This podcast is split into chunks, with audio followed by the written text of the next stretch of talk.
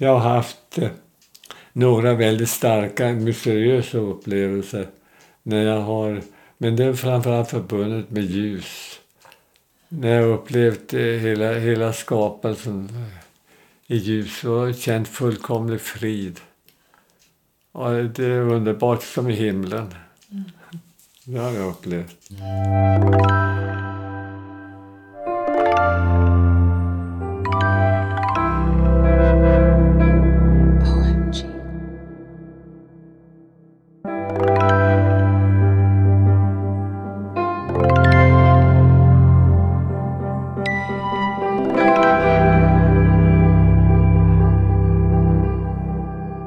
Första personen vi mötte det här, Mm.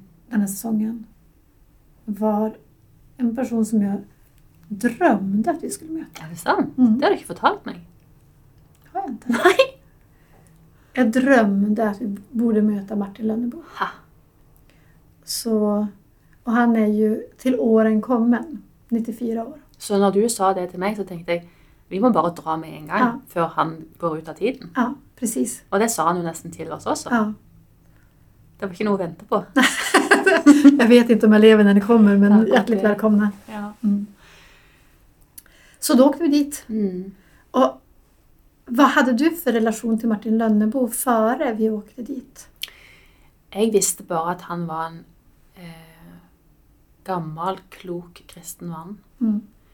Eh, og så hadde jeg kanskje litt sånn eh, skal ikke si fordommer, men jeg har jo brukt så mye av mitt liv på å på en måte eh, utvide min åndelighet ut, vekk ifra det tradisjonelt kristne. Mm. Så jeg var jo litt spent på ok, hva kan en gammel eh, kristen mann fortelle meg. på en måte. Mm. Og hvor er det jeg kommer til å støte på en sånn en, en vegg av Nei, men dette er ikke kristent. Jeg var spent på han. Mm. Hvor åpen han var. Och han var ju väldigt öppen. Virkelig. Ja. Genomsyrad av öppenhet och kärlek. På sätt och vis. Ja, og for det jeg opplevde jo, som på tok luften ut av alt det der i meg, var jo at han snakka om tro som noe som lå i hjertet. Mm. Og da var disse her teologiske spørsmålene mine litt så meningsløse. Du ställde några.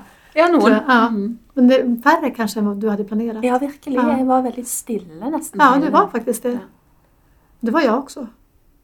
Altså, når en mann på 94 år med ett øye snakker, da, si- da sier man Da ikke lyssnar man. Man. Ja, men jag har faktiskt läst en del av honom tidigare. Mm. Och, ehm, han, han är full av... Han kommer från Västerbotten som är det område där jag är uppvuxen. Mm.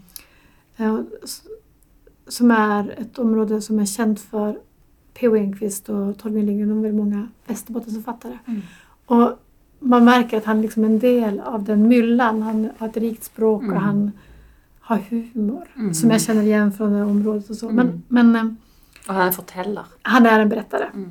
Och han, ehm, när jag läste dem tidigare så är det så många historier som jag har verkligen lagt på hjärtat och som jag också har delat med andra personer som Mm. anekdoter i olika situationer vad Martin Lönnebo gjorde. Mm. Så ehm, det, Så for deg var det en sånn homecoming nesten? å Lite grann. Ja. ja, även om det är ganska många år sedan jag läste honom så, så var det, har det varit eh, starka och fina läsningar. Mm.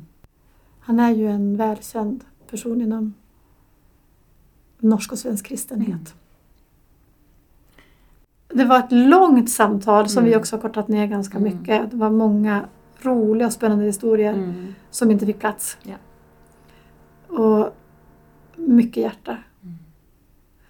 Kanske kan man höra att han i början av konversationen har lite mer kraft än i slutet. Mm. Han är ju eh, äldre, Mm. sliten, Mm. men helt klar i knoppen.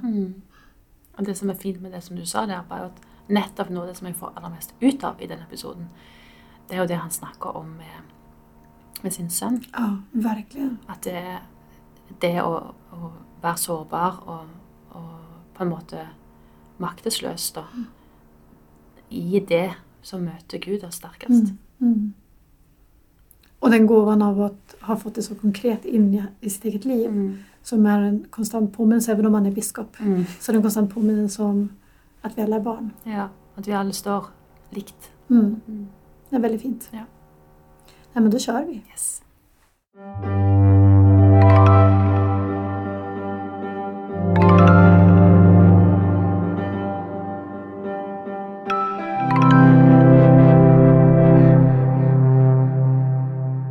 Vår podcast heter ju Oh My God. Och vi säger att det är en podcast om andliga upplevelser eller erfarenheter. Men då skulle jag vilja börja faktiskt där. Vad skulle du säga att en andlig upplevelse är för någonting? Eh, Jag kan väl citera, eh, citera vår stora författarinna Selma Lagerlöf. Ja. Stora sagaberättare och sanningsberättare. Hon hade en stark upplevelse när hon var fem år gammal.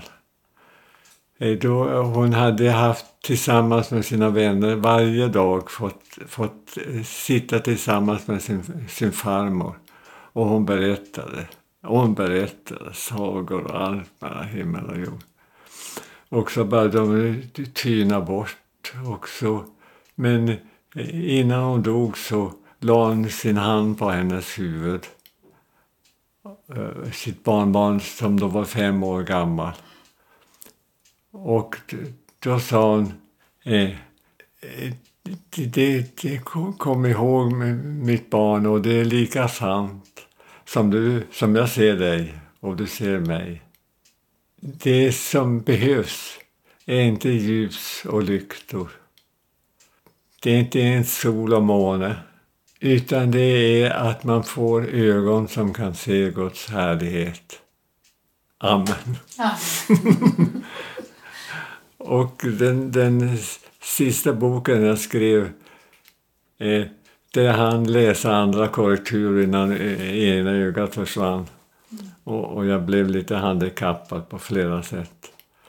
Eh, det, då, då, då hann jag just göra det där färdigt. Så då var det klart. Och, och då, det är en det är liksom sammanfattning av vad jag vill, vill säga. För det berör alla moderna människor också. Vi är enögda precis som jag. Vi, vi, drar, vi drar oss för att, att tänka på, på, på döden. Vi, vi har svårt att lyssna. Vi, Eh, jag minns jag hade en, en människa som jag försökte hjälpa och talade med henne och hon sa till en väninna, jag är så glad att, att eh, Martin ringer och, och talar med men jag blir så nervös. Han talar så långsamt. det var för många pauser och då blev hon så nervös. Vi har så svårt med tystnaden. Vi, eh, vi stänger i- omedvetet genom våra ljus stänger vi ut de stora ljusen. En, en modern människa i en modern stad ser ju ytterst sällan stjärnhimlen. Och i så fall bara en liten bleknad kopia av den. Eh, en modern människa hör sällan fåglarna och vinden och vad de har att säga. Men för du har ju levt ett tag, för du är 94. Men har du känt själv när det här skiftet började komma? Eller varför upplevde du att det var annorlunda när du var barn? Ja, det var annorlunda när jag var barn. Jag kommer från en, en, en skogsby. Eh, Gudomligt vackert. Mm. Och så kom jag från en, en eh, synnerligen fattig familj. Vi hade, när de kom dit, de hade förlorat sitt hemma och hade, därför att de ville hjälpa en person Mm. med, med borgen. Och så, eh, vi hade två, två kor, och, några får och två talgoxar som på vintern i lager som, som tog flugorna och vi hade, ja, eh, eh, vi åt ett helägg varje år och det var till påsk och då målade vi det och det var ju underbart. Mm. Det smakade som, som s- 300-400 ägg. Smakar nu. Jag föddes eh, eh, mager och eländig med gulsot. Och eh, mamma hade, hade känt att, att det här går inte. Så hon hade gjort i ordning kläderna för, för, för pappa och syskonen när de skulle fara på begravningar. Och det stämde nästan. Barnmorskan sa att han kommer inte att överleva utan skynda er och, och nöddöp honom. Och, och pappa fick då order också om att hämta en bräda från, från lagården och, och torka den till likkista. Mm. Och så, så, så döptes, döptes jag i odödliga namn. I Faderns, Sonens och den helige Andes namn. Och så överlevde jag till slut också. Mm. Vad hade hänt om Martin inte var blivit döpt? För du säger att du blev nöddöpt när du var mm. barn. Mm.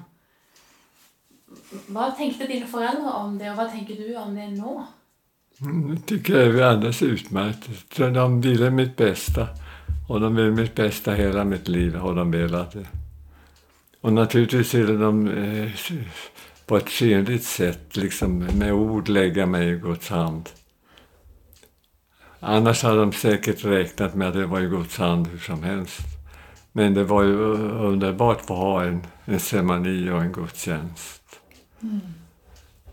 Så menar du då att dopet är viktigt som en markering för världen och sig själv men inte viktigt i relation nödvändigtvis till Gud? Jo, visst är det viktigt. Det är därför de gjorde det. Ja. Men att, att eh, säga att, att odöpta inte är Guds skapelse och Guds barn, det, det, det, ska man inte göra. Nej. Men det är underbart att vi äger sådana ceremonier. För du har ju jobbat som präst mm. under hela ditt liv. Vilken del av din prästgärning har, när har du känt dig som närmast det heliga in, inom ditt jobb? Ja, eh, det är en underbar gärning att vara präst. Jag, jag var inte tjänstgörande präst förrän jag var eh, riktigt gammal. Jag var 25 år eller något sånt. Riktigt gammal. ja. Men också har jag ägnat väldigt mycket tid åt filosofi. Jag tog en filkand och sen doktorerade i filosofi. Och eh, eh, mot slutet så, så var jag i Uppsala och eh, konverterade med religionsfilosofi. För jag hade hört eh, pappa säga en gång efter en, en gudstjänst i bönhuset. Det är inte lätt att vara kristen i, i vår tid. Det är inte ens lätt att vara kristen om man tänker bli präst. Det, och det, det är nog omöjligt att vara kristen om man läser religionsfilosofi. Jag satt på vedbänken och jag ska, då ska jag se om jag inte kan bli präst och läsa religionsfilosofi. För jag vill inte bygga på en grund som, som inte håller. Mm. Det måste hålla också granskning. Mm. Och jag hade samma uppgörelse med mamma. Jag läste en... Eh, jag kunde inte gå på, på realskola och sånt utan jag, jag läste korrespondenskurs. Och då läste jag om naturligtvis utvecklingsläran och allt med och hur gammalt universum var. Jorden. Jag blev ju entusiastisk. Och så kom jag ner till, och mamma stod vid symaskinen. Jag kan se när hon stod vid, vid fönstret. Och så, så berättade jag för mamma om alla märkvärdigheter. Och hon stirrade nästan förskräckt på mig. Och så sa hon, mina, mina fäder, de som jag har lärt av, de säger att, att jorden är mellan fem och sex tusen år gammal. Snart sex tusen år gammal. Och jag har eh, läst igenom Bibeln gång på gång. Och, och, och eh, då har jag också läst släktregistren och så har jag tagit ut tiden och det stämmer ganska bra, sa Mm. Och så kommer du då och, och lyssnar på de där högfärdiga människorna som, som tycker sig veta mer än vad Gud vet. Och jag svarade ungefär så att, att eh, Gud älskar sanningen. Och eh, jag tror inte att, att Gud eh, ägnar sig åt att, att lura, bedra människor. Eh, för mamma hade sagt att, att det, det är så att, att Gud har lagt ner i, i, eh, gamla saker för att folk ska tro att det är gammalt. det tror jag inte alls att Gud lägger ner gamla saker för att tro att det är gammalt. Men vi var aldrig osams. Men hon blev oroad. Ja. Och eh, jag vet att det rådde ganska besvärligt eh, oro hemma. Trossbotten var så tunn att jag hörde vad de sa där nere. När jag satt i min studiekammare. Och eh, då kom det en, en, en, en vänlig gammal man, en predikant och bonde. Och eh, mamma hade förtroende för den och berättade om, om sitt bekymmer. Om jag höll på att förlora min tro och bli en ateist. Och, och eh, han lovade att gå upp och samtala med mig. Och jag hörde då ett skrik i trappan. kom upp till mig. Va? Och satte på sängen och vi började prata. Om, och eh, jag tycker vi hade riktigt roligt en, en, en timme ungefär. Och så gick jag ner och så skulle vi höra domstolen. Alltså domen. Och då sa han att, att er son Martin, han är lite konstig i huvudet, så, men hjärtat verkar vara bra. Så. Och då hörde jag hur de suckade av lättnad. För tron finns i hjärtat. Och eh, eftersom man läser så många konstiga böcker är det inte konstigt att, att han har, har konstiga föreställningar. så, så det gick riktigt bra. Vi har ju kanske, kanske jeg mer än han brottas med et spørsmål om vad vill det säga att vara en kristen, Och vad sker med de som inte tror? Mm. hva er, det, hva er den rette måten å tro på? Ja, er mitt ansvar som kristen i verden? ja. Hvordan skal man leve som en kristen i verden? Eh, t- tron. Eftersom tron är en hjärtasak och en tillit så behöver man inte formulera det inte intellektuellt hela tiden. Vårt första barn blev svårt utvecklingsstörd på grund av en blödning i, ja, i livmodern och kunde inte botas.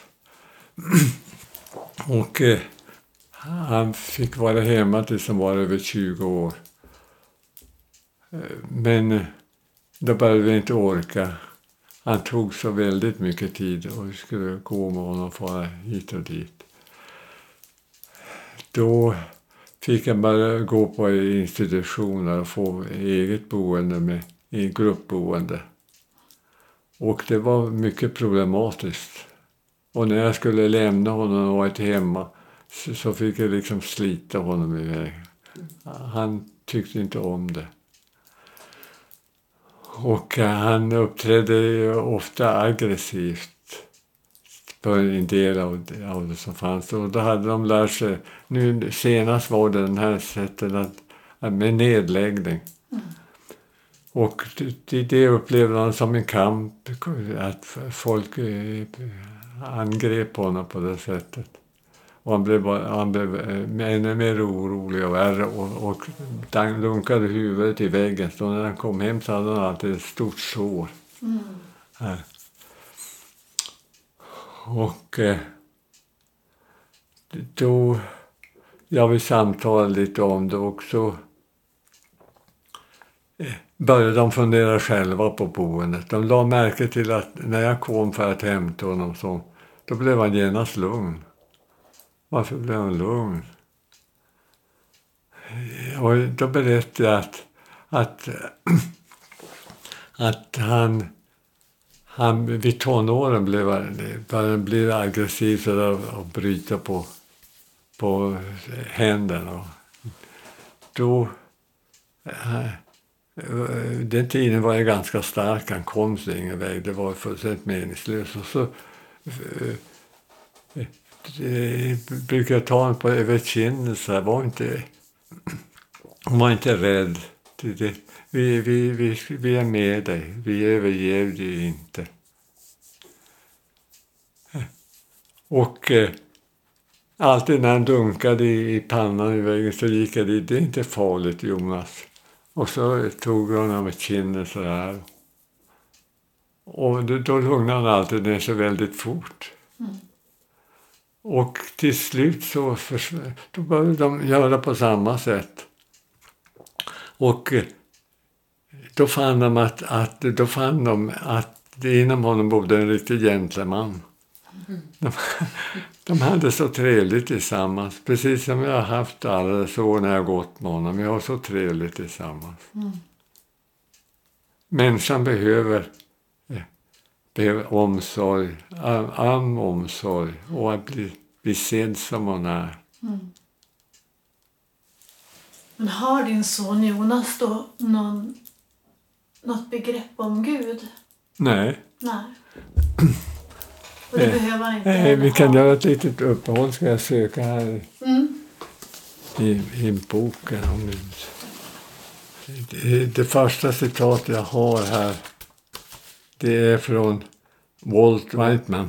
Mm. En, en mus är ett mirakel stort nog att omvända sex triljoner tvivlare. Det, det, det är många, det, jag tror det är sex med, med eh, 29 nollor. Tvivlar. och jag talade med en docent här som sa ja, det, det är mycket knepigt med mössor. Alltså, de har i varje fall mer, mer gener än vad vi har. Och, och eh, allt, det är ingen konst att upptäcka att det är förunderligt. Sen så säger man det, det är av en slump att, att någonting har blivit till. Men det är, det är den dummaste skapelseplan som någonsin har tänkts ut. Eh, eh, att av ingenting skulle komma allt. Mm. Det gör du inte, det är ett mirakel. Det är inte, det är inte någonting som man kan förklara naturvetenskapligt. Einstein är samma mening. Det är mirakel. Mm. Har du alltid haft din blick öppen för mirakel? Eller kom det någon gång efter vägen? Ja, det, tycker jag. Om man lever i naturen. Mm. Det, det, är en, det är en bok, naturen. Det finns två stor, stora viktiga böcker för en kristen människa. Det ena är naturen, det andra är Bibeln. Mm. Och, och eh, naturen är ju en väldigt stor bok. Så det, om man bläddrar i den så hittar man ju... Bara att när man är ute med till exempel hopplösa konfirmander som bara vill prata eller titta på skivor eller, eh, eller gå hit och dit. Då, då ska man vara helst ute och på en lång vandring. Och så ska man ha eh, eh tystnad på där man tänker på vissa saker. Och så småningom sätter det som en lägereld och så ser man på stjärnor och så, och så säger man nu ska vi vara tysta en stund. Och de kommer aldrig på det här att plocka upp. Och så börjar vi tala om vad, vad de drömmer om, vad de, vad de är mest rädda för. Och så. Det finns ju knappast längre någon plats där tystnaden råder. Vi har fått våra ljud överallt. Gud kommer i tystnad och nalkas. Det, det lär redan i Gamla testamentet. Lyssnande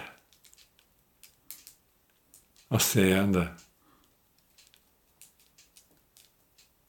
Och eh, vi ser inte så mycket därför att vi, vi tänder våra ljus som, som dödar de andra ljusen som jag har sagt. Mm. Det hörs ut på mig som du har en väldigt stor tillit till att Gud har allt i sin hand. Att det inte finns någonting som är utanför Gud. Mm. Det, det stämmer det. Det finns... Eh, om, om vi ska... när, jag, när jag blev biskop så skulle man ta ett valspråk. Och då tog jag det, det, det längsta valspråket av alla och det viktigaste valspråket av alla. Från eh, Romarbrevets elfte kapitel. 33 till 37. Och vilket djup av rikedom och vishet och kunskap hos Gud. Hur outgrundliga är hans vägar och hur outrannsakliga är inte hans domar. Vem har lärt känna Herrens sinne? Vem har varit hans rådgivare? Vem har givit honom något som han kunde, kan fordra igen? Av honom, genom honom och till honom är ju allting. Honom vara ära i evighet. Amen. Och då kan man säga som, som jag citerade i den här boken. Som en slags bekännelse. Gud som jag till, Gud som jag ej känner men tillhör. Du, den personliga relationen. Och då är det naturligt att man lägger Guds hand, den visa handen, den goda handen den hand som, kan, som bär universum.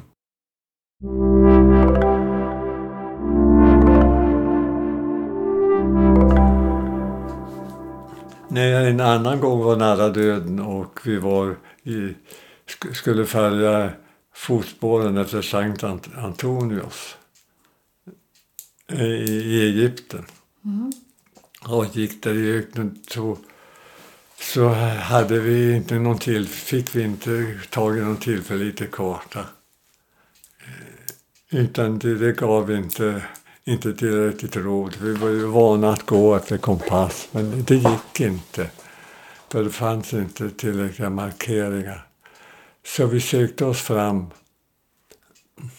i vaderna. Och eh, vi kom upp på, på höjd ungefär eh, eh vad ska jag säga, eh, jag skulle gissa en, som högfjällen i Norge i stort sett. Och så såg vi målet. Men det var åtminstone ett stup på 150 meter mellan.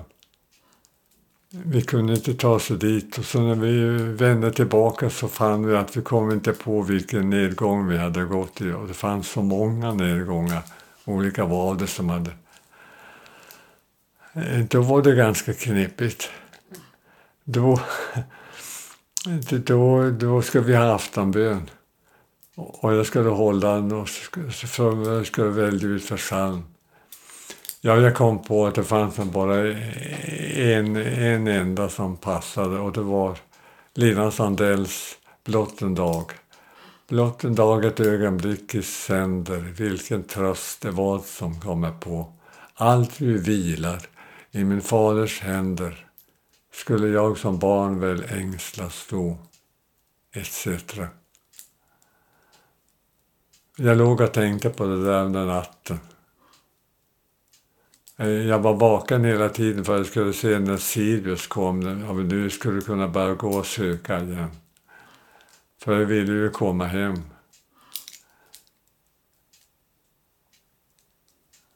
Och vi, vi gick och sökte. Redan i första vaden hittade vi spår efter en av våra sulor. Och då visste vi vad det var.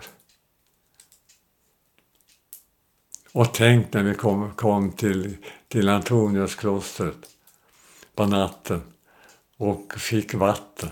Mm. Vad vatten! Ja, jag tänkte på vad konstigt att vi häller in häller saker och ting i vatten som är det godaste av allt.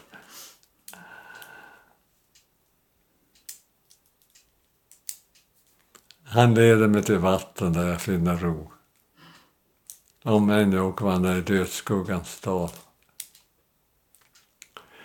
Och eh, det där kan, ger ju hos, hos troende eh, förtröstan. Eh, mamma till exempel, hon var inte det minsta orolig för en död, för att, att det, hon hade hjärtsvaghet. Ganska jobbigt. Det, och eh, sista kvällen hade hon bett särskilt innerligt för, för sina barn och framtiden. Så, så blev hon medvetslös. Och så hamnade hon på en sjukstuga. Och eh, jag och, och två syskon till mig var med. Satte på natten. Och eh, vi talade om, eh, min äldsta syster sa att min mamma haft ett, vår mamma haft ett lyckligt liv i all fattigdom.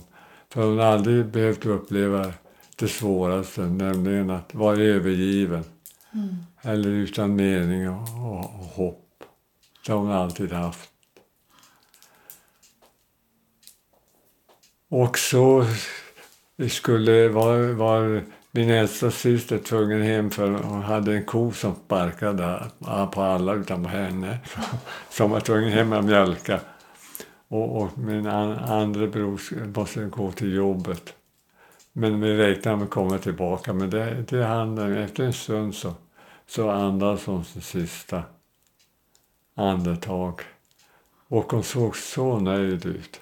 Mm. Och så eh, var, vi var begravning. Det var, ja, man ska väl inte använda sådana ute, men det var helt enkelt trevligt. Vi hade trevligt. Vi tyckte det var så skönt att ha fått komma, komma till ro och komma hem som har lidit så mycket. Mm. Och eh, pappa ville vi skulle tala över, att jag skulle tala över Hiskias bön. Hon har vävt sitt liv till slut. Och nu, nu klippes väven ner från bommen. Och den mattan var mycket vacker. Den ligger nog i farstun i himmelriket. Jag får lust att fråga dig, vad, vad är bön? Vad ber du om? Jag ber inte om så mycket. Eh, Gud vet ju allt, jag, jag påminner lite. eh, eh, till exempel när det är frälsarkransen så säger jag, bry dig inte om, om att, att, att uh, bönen och ordningen från början. Tänk bara på att det tecken på närvaron, att Gud är med. Mm. Och det, det, bön är att tänka sig att att Gud finns med och omsluter mig på alla sidor. Och eh, då, då, kan man tänka på det med glädje och tacksamhet och kanske säga tack också. Mm. Betyder det att Gud kommer att hjälpa en genom det vanskliga? Det är det det betyder? Att man... Eh, ja, det, det är så knepigt. Det är, man, jag förstår mig inte på Gud och ingen annan heller.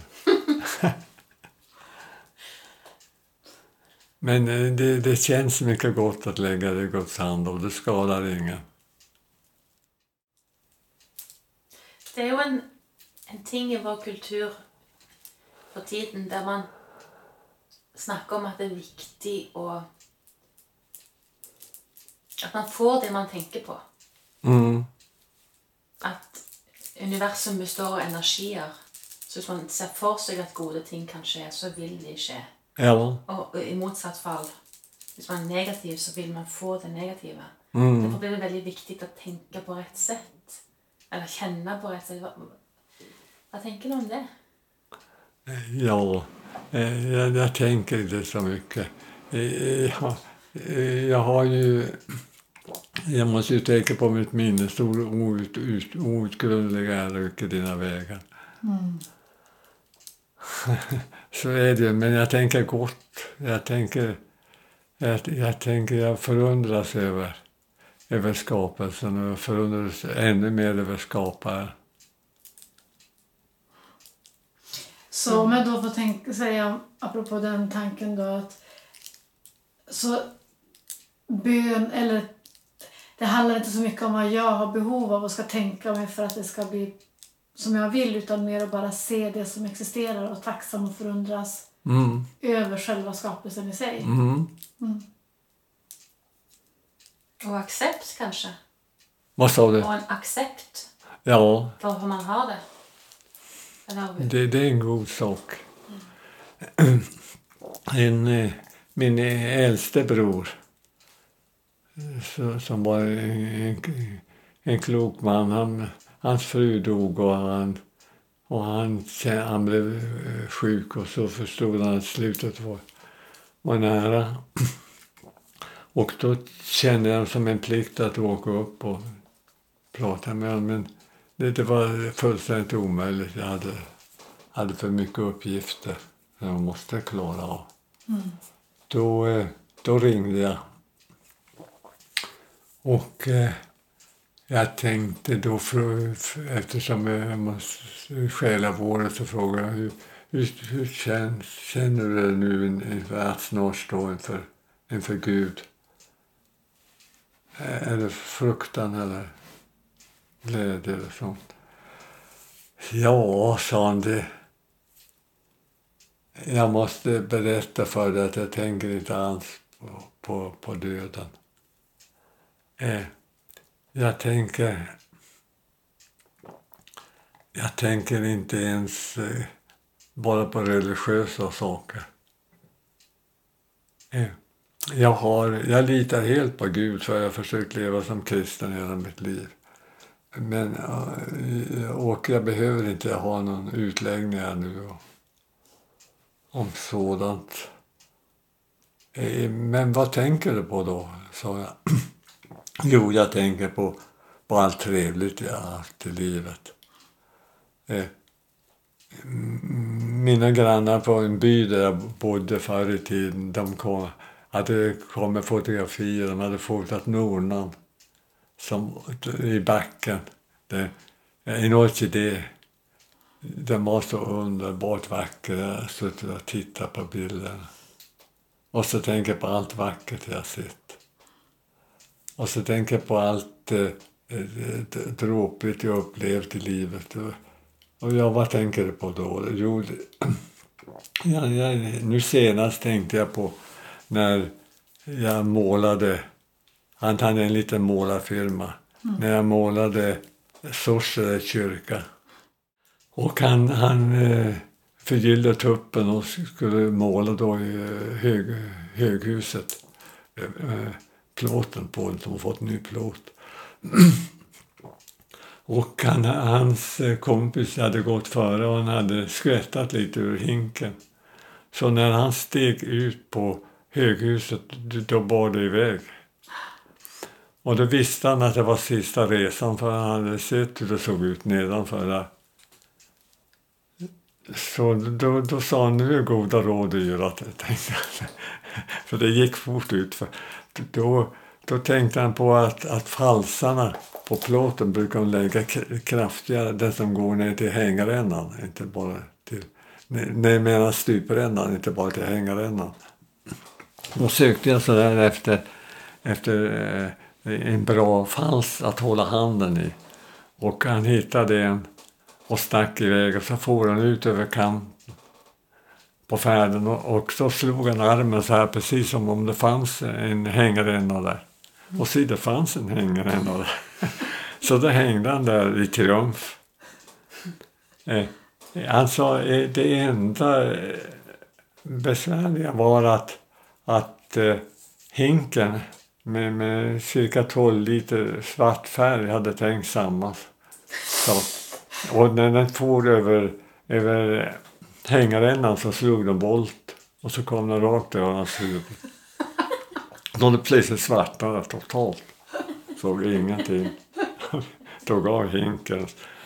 Så får han ner och så gick han då i riktningen där han bodde efter gatan. Och en sån svart man som man aldrig sett gå efter den där gatan. Och så kom han hem då och, och ropade på sin hustru barnbarn skulle öppna.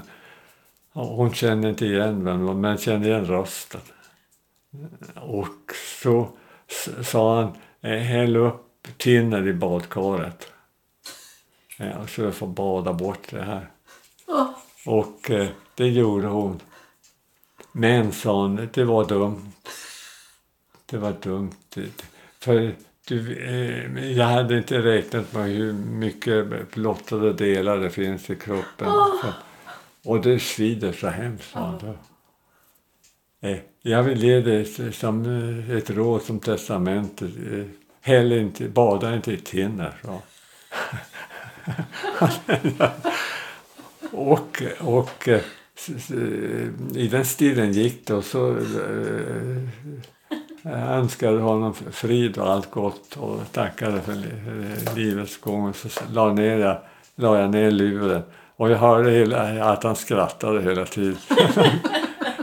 och så dog han då framåt morgonkanten och, och de som satt där, eh, min, min bror Axel som jag nämnt tidigare. Mm. de, de, de sa att han såg lika glad ut hela tiden. Mm. Han var i Guds hand. Man behöver inte ha någon sån där utläggning av det ena och det andra. Tro jag förtröstan.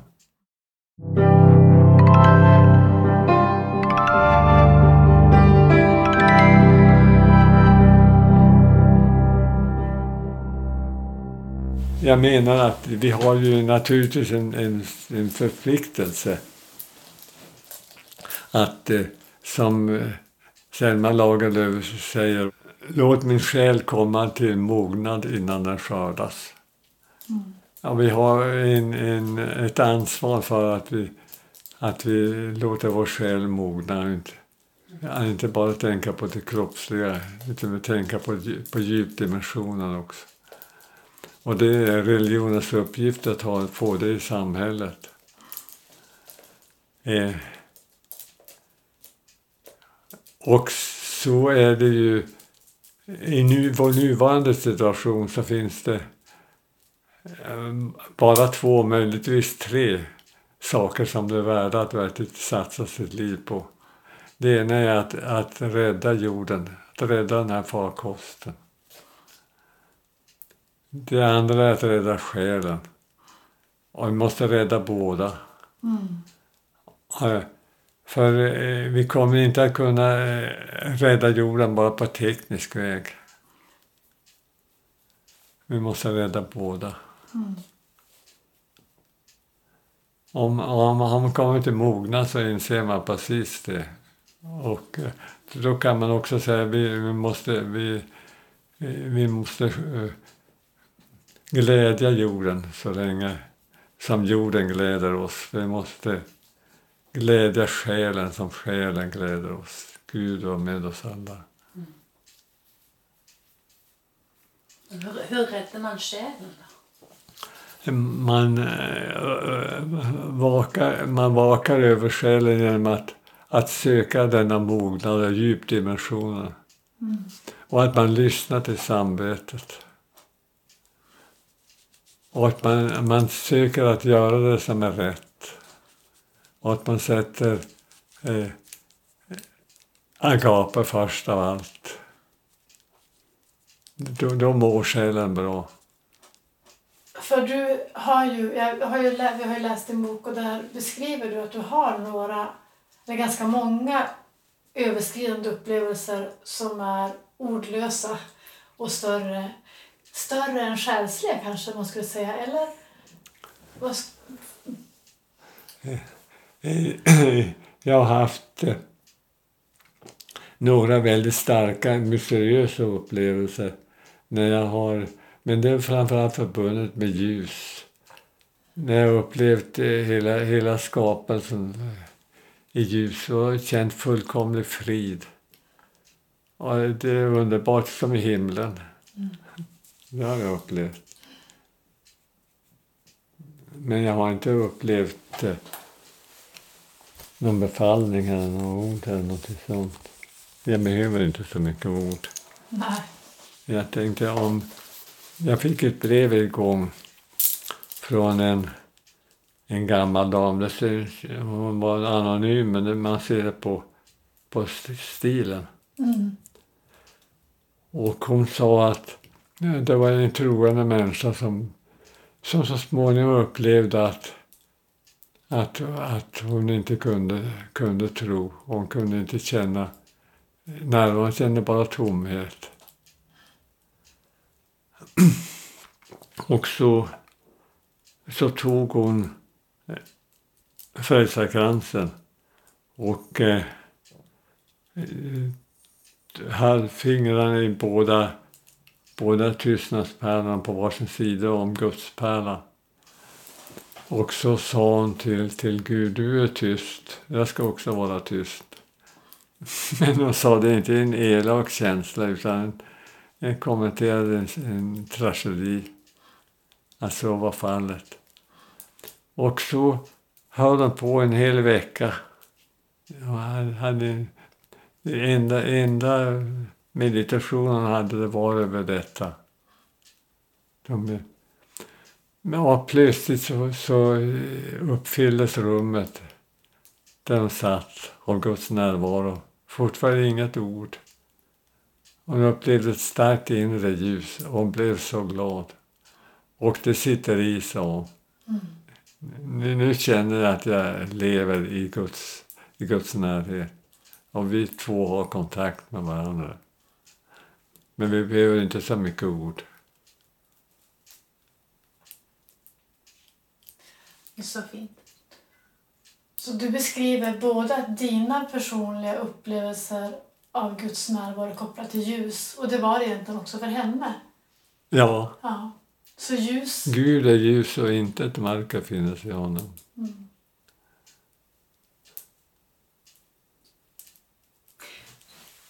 Men hvordan, hvordan er ditt vanlige liv med, med, med Gud? Hvordan ser det ut? Sånn helt praktisk. Fra du står opp om morgenen. Har du noen sånne ting du pleier å gjøre, eller? Ja, min... eh, Jag har prövat på, på det ena och det andra. Jag har skrivit bönböcker och jag har, läser. Så, men jag är lite... Jag är trött så lägger man så. Jag tänker Gud är hygglig. jag, jag, be, jag behöver inte, inte tjäna Gud genom bönen utan Gud ber genom mig. Anden ber genom mig. Men, och anden ber med outsägliga suckar. Det är inte ord. Outsägliga suckar, blickar.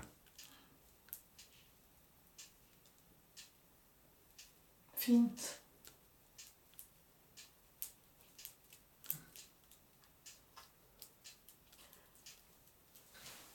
Det jag tycker är så fint med det du berättade är att på sätt och vis så upplever jag inte att Gud är separ, en separat en, entitet så, från det utan att det är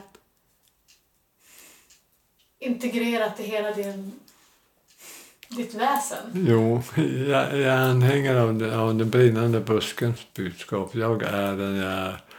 I, I ordet är så- finns på något sätt dolt Guds existensen. Jag är den jag är. Men det är inte samma som ord och begrepp. Det är självaste varandet. Ja. Och det är gudskelov att det inte att, att vi att de flesta av oss tror jag ändå inte, inte har en, en, en gudsbild att allting bestäms av Gud på ett påtvingande sätt. För då vore det en odräglig despot. Det, finns så mycket i världen som, inte, som är så ont och så, svårt att se och vara. Då får man tänka på den lidande guden och Gud med, med oss. Man får eh, tänka sig att, att, att det, man inte, det man inte förstår får man också lägga i Guds hand. Mm. Och, och, och det kan, oh vilket djup. Man, vi har inte tillräckligt om djupen. Vi är på ytan någonstans och plaskar omkring. Mm.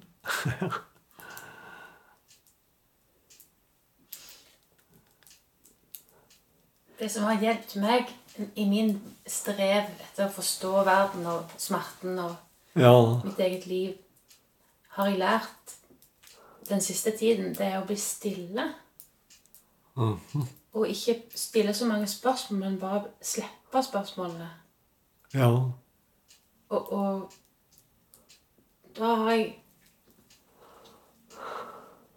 Det har vært en troshandling for meg å ikke klare å løse alt. Mm. Slippe det. Mm. Och gå i eh. livet ändå. ja, att lämna Guds hand är inte samma som att lösa. Man lägger det i Guds hand. Och sen får man fortsätta sin vandring. Jag har ju funderat på om jag ska bli präst. Ja, det är bra att du funderar på det. Ja. Jag tror det som har varit viktig for meg, det er at Gud er stor nok. Mm. At jeg får tale om en Gud som er stor nok. Ja, just det. Ja. Precis. Precis. Eh, eh, väckelserörelserna har haft stor betydelse genom att de har ett, ett inre driv och inre kraft. Det, nackdelen är ju begränsningarna man har som en del är skrattretande. Mm. Jag läste någonstans, jag vet någonstans om haugianer, att, eh, att de skulle till och med gå som, som sin mästare. Mm. en viss gångart som man kunde se på dem när de kom ja. Det är inte nödvändigt. så min erfarenhet när jag var barn och vi besökte så många olika typer av församlingar. Mm. Och det var att de här grupperna hade sitt egna kodsystem. Mm. Sitt sätt att prata, sitt vokabulär, sitt sätt att skratta, sitt sätt att klä sig. Och att det någonstans ofta stod i vägen, tyckte jag då, mm. för kärnan. Men utan att döma någon för om det var bekvämt i den gruppen så är det inte något problem. Men om man vill prata om Guds kärlek mm. med människor som inte är uppvuxna i den miljön. Mm. Då fungerar inte det sättet. Nej.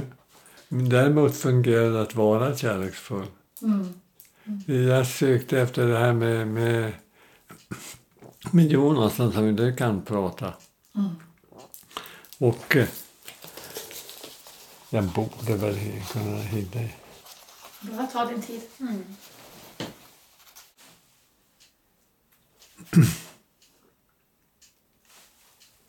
Kära föräldrar. Jag är så mycket av er när jag måste ha ljusa. Men jag kan läsa, vill du att jag ska läsa det högt för dig? Du kan läsa mm. det där. Kära föräldrar.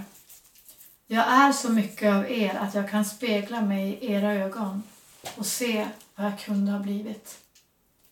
Ni är så mycket av mig att ni kan spegla er i mina och se vad ni, kära pappa och mamma, kunde ha varit. Vi tillsammans kan spegla oss i Guds blick och se vad vi är. Märkvärdigt nog är vi alla tre utvecklingsstörda och friska.